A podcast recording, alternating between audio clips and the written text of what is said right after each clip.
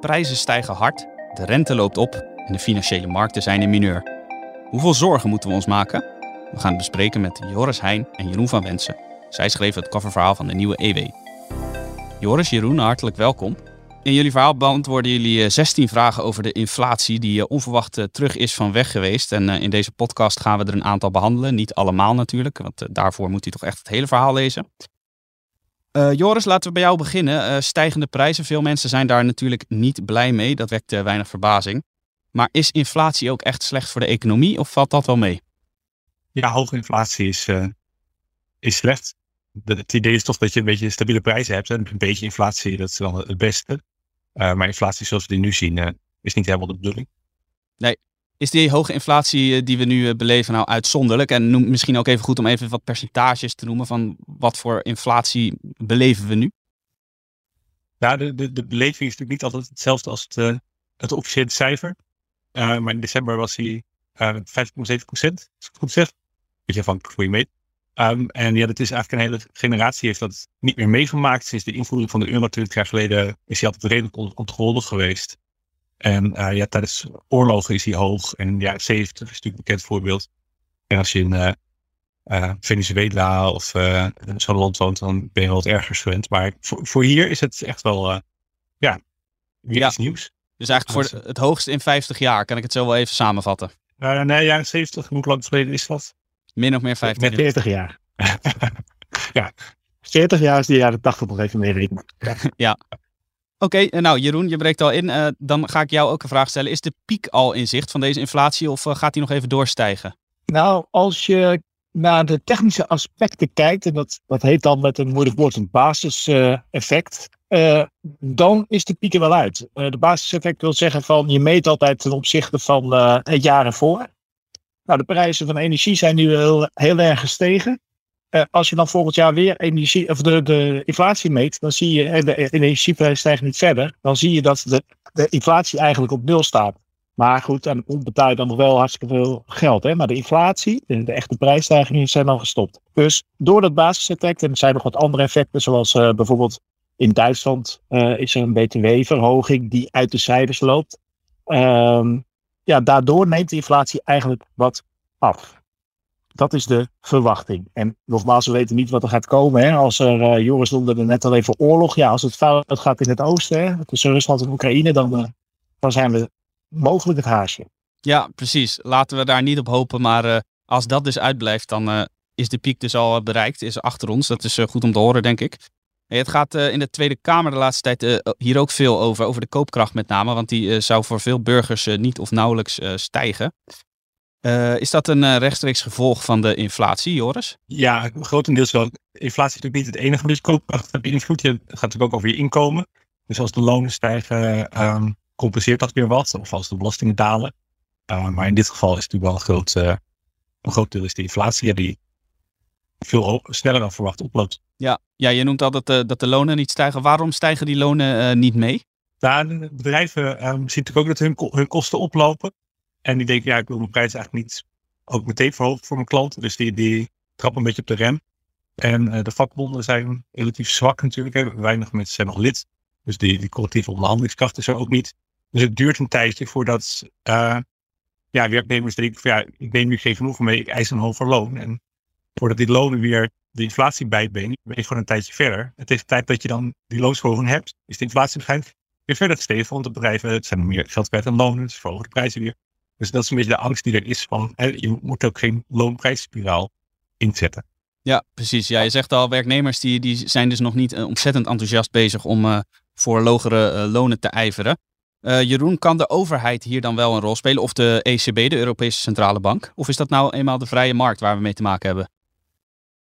Ja, dat is de vrije markt. Terwijl de overheid natuurlijk wel een heel belangrijke speler is op de arbeidsmarkt. Hè. Dat is een van de grootste werkgevers. Uh, natuurlijk met ambtenaren, onderwijzers, uh, maar ook indirect uh, in, de, in de zorg. dus daar zou de overheid wat kunnen doen. We krijgen ook, als het goed is, een verhoging van het, van het, van het minimumloon. Dus dat heeft ook een wat een opwaarts effect. Um, het is alleen zo dat bijvoorbeeld in België, dat staat ook in, het, uh, in de EW van deze week uitgelegd. In, uh, in België is er een zogeheten spilindex. Dat wil zeggen, als dan de, de prijzen stijgen boven een bepaald plafond, dan stijgen ook automatisch de lonen stijgen mee van, van de ambtenaren dan in België. Ja. Nou, zo'n mechanisme kennen we niet in Nederland. Um, en de, ja, de overheid heeft verder niks te zeggen over de vrije markt. Die kan niet lonen gaan bevriezen of dat soort, dat soort zaken. Um, de ECB kan ook niet ingrijpen direct op de, op de lonen. Die moet het doen met uh, ja, de, de middelen die ze heeft. En dat is echt het, ingrijpen op de rente. Om daarmee de economie te, te sturen. Dus als de inflatie uit de hand loopt. Dan zou de ECB de rente moeten verhogen. Om zo de inflatie weer naar beneden te drukken. Want dat remt de economische groei. En dan zakt ook weer de inflatie. Althans, dat is dan de hoop. Ja, veel, uh, veel automobilisten zullen daar uh, op hopen, denk ik. Want uh, je noemde net al zelf dat de prijzen aan de pomp nog even flink doorstijgen. Ik heb dat gisteren zelf ervaren. ik ging tanken en de rekening was niet, niet klein, 80 euro. Een liter benzine kost al gauw 2 euro tegenwoordig. Wat is nou, Joris, de relatie tussen die hoge energieprijzen en de inflatie? De, de inflatie nu wordt vooral door, um, door die energieprijzen stijgt die zo.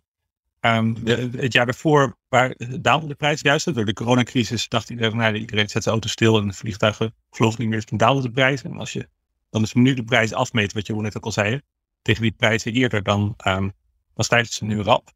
En dan is ook weer de vraag natuurlijk, zo critici zeggen van ja, dat komt ook door het klimaatbeleid. Uh, dat we allemaal uh, uh, duurzame energie moeten gebruiken. Maar dat is een beetje een daar, daar kruipt iedereen een beetje in zijn schuttersputje van uh, de tegenstanders van uh, klimaatbeleid die, zeggen van ja, het komt door de windmolens en, en zonnepanelen. Want die zijn helemaal niet meer zo duur. Die dalen steeds de prijs. Al, komt daar nu ook een einde aan. Door de, de, prijzen voor, uh, voor metaal zo om die windmolens te bouwen, die, stijgen ook. Dus dat, dat is raar. Maar wat wel um, een zorg is, is dat um, oliemaatschappijen onder druk van de maatschappij, de Shell-rechtszaak, maar ook van hun eigen aandeelhouders, die trappen heel erg op de rem bij het zoeken naar nieuwe olie- en gasvoorraden. Terwijl mensen blijven wel, nou, net zoals jij, autorijden, ja. gas uh, opstoken. Uh, dus de, de vrees is wel een beetje dat uh, die energieprijzen, als, als de olie en gas, als de, vra de vraag um, relatief hoog blijft en het aanbod gaat dalen, dat de energieprijzen wel hoog zullen blijven. Ja, dus eigenlijk alleen als we straks bijvoorbeeld allemaal een elektrische auto kopen of we besluiten alleen maar met het OV te reizen, dan gaan die prijzen pas weer naar beneden, korte termijn. Ja, nou niemand, niemand heeft natuurlijk een glazen bol, maar het is wel de vrees die er nu uh, bestaat. Ook een partij als Shell zegt uh, vrij duidelijk van ja, al, al, gaan de gasprijzen door het dak, we gaan niet, uh, niet meer extra boren, want dat vinden we niet meer we bij het bedrijf wat we willen zijn. Ja, nou ja, dat gaan we in de gaten houden, hoe dit zich zal ontwikkelen. We hebben inderdaad geen glazen bol, zoals je terecht zegt. De economie blijft onvoorspelbaar. Hey, je zei net al eventjes dat de vliegtuigen een hele tijd niet of nauwelijks hebben gevlogen. Dat was natuurlijk het gevolg van de coronamaatregelen.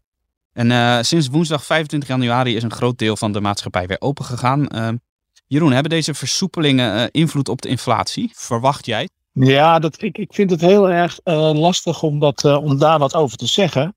Ehm, kijk, wat samenhing met de lockdowns, is, dat zijn enorme steunpakketten die overheden hebben, hebben gegeven, hè, hebben, hebben, hebben opgetuigd. En um, een van de economen die wij voor het artikel spraken, die legt ook uit dat uh, juist die steunpakketten nu bijdragen aan de gestegen inflatie. Hè? Dus de, de ECB heeft jarenlang geprobeerd de inflatie omhoog te krijgen door obligaties op te kopen ter waarde van nu al, de tellen op iets van 4,7 biljoen euro. Nou, dat geld blijft, is eigenlijk steeds blijven hangen in het financiële systeem. We zien het vooral terug in gestegen aandelenkoersen en hogere huizenprijzen. Nu hebben overheden, hebben, ja, echt, uh, ook in Nederland, hè, er wordt zo'n beetje 100 miljard in de economie gepompt. En dat geld is direct bij mensen terechtgekomen. En dat geld wordt ook, ja, niet allemaal, er wordt ook veel uh, gespaard, maar er wordt toch ook veel gespendeerd. En die econoom betoogt dan ook dat daardoor de inflatie toeneemt. Dus ja, wat gaan we dan merken als de boel weer uh, open gaat? Dan worden de steunmaatregelen weer ingetrokken. Ja, uh, hoe dat zich dan weer gaat verhouden tot de inflatie, dat valt moeilijk te zeggen. en voor de rest, ja, dat we weer gaan vliegen. Um, Kijk, het, het, het grootste gedeelte van de economie is al die tijd uh, open gebleven. Ja. Um, dus ja, um, dit is echt glazen bolwerk. Ja, dus het, dat eh, valt moeilijk te bijten. Het aantal faillissementen is natuurlijk eh, verrassend laag gebleven, eh, mede dankzij die, die steunmaatregelen ook wel. Eh, denk je dat het mogelijk is, is misschien een beetje een zijpad hier, maar dat die faillissementsgolf eh, er straks misschien gaat komen en weer heel veel gaat doen met, eh, met de inflatie, met de prijzen? Ja, dat, dat, zou ik, je- dat zou ik je niet eh, durven eh, te zeggen over het aantal faillissementen. Er zijn natuurlijk wel heel veel bedrijven gestopt het afgelopen jaar. En niet per se met faillissement, maar eh, in de horeca zijn heel veel, eh, ja, heel veel stille overdrachten plaats eh, eh, gevonden.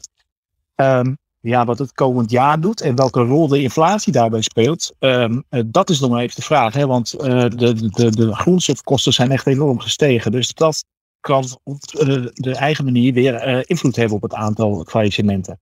Maar ook dat valt allemaal nog eh, te bezien. Wat je, wat je de afgelopen jaren voor corona zag, was dat vooral de, de diensten die mensen kochten. Dus ongeveer een kwart van de uitgaven gaat naar ja, de kapper, naar de horeca. Hè, al die eh, zaken die nu eh, natuurlijk hard hebben geleden onder de lockdown. Dat waren de, de kosten die eigenlijk zorgden voor inflatie voordat corona kwam. Mhm. En na corona eh, waren het vooral de grondstoffen. Want we, we zaten thuis, we gingen allemaal spullen kopen online en zo. Dus nu zijn het juist de, de goederen, de echt fysieke dingen die we kopen, die in prijs zijn gestegen. En wat het inderdaad gaat doen als de horeca weer open mag, maar met, of bioscopen met maar minder mensen. eh, als- als we horecazaken sluiten. Dat vind ik een heel interessante eh, vraag, maar ik weet het helaas niet. Ja, Nee, eh, het werd net al even gezegd, jullie hebben geen glazen bol. En aangezien ons motto eerste feiten is, moeten we ook maar geen al te onzekere voorspellingen gaan doen. Maar wat er in ieder geval allemaal aan de hand is rond die huidige inflatie, dat eh, kunt u lezen in EW eh, in dit coververhaal dat jullie eh, samen hebben geschreven. Nou, dan zijn we nu aan het einde gekomen van deze podcast. Jeroen, Joris, hartelijk dank voor jullie tijd. Ja, heel bedankt. Matthijs. Blijf nou. En eh, ja, er zijn eh, als gezegd nog een hoop vragen onbesproken gebleven in dit eh, gesprek. Dus als u ook benieuwd bent naar eh, bijvoorbeeld de rol van Italië bij de inflatie en de vraag of u zich nou zorgen moet maken of niet, haal dan het nieuwe nummer van EW in huis. Eh, daarin ook aandacht voor onder andere de gevolgen van het eh, MeToo-schandaal bij The Voice. U heeft het eh, niet kunnen missen. En natuurlijk de dreigende escalatie bij Rusland en Oekraïne. Dit alles is dus te lezen in het papieren blad, maar u kunt het ook lezen op onze website ewmagazine.nl. En de link naar het artikel dat we zojuist hebben besproken kunt u vinden in de beschrijving van deze podcast. Hartelijk dank voor het luisteren en graag tot de volgende keer.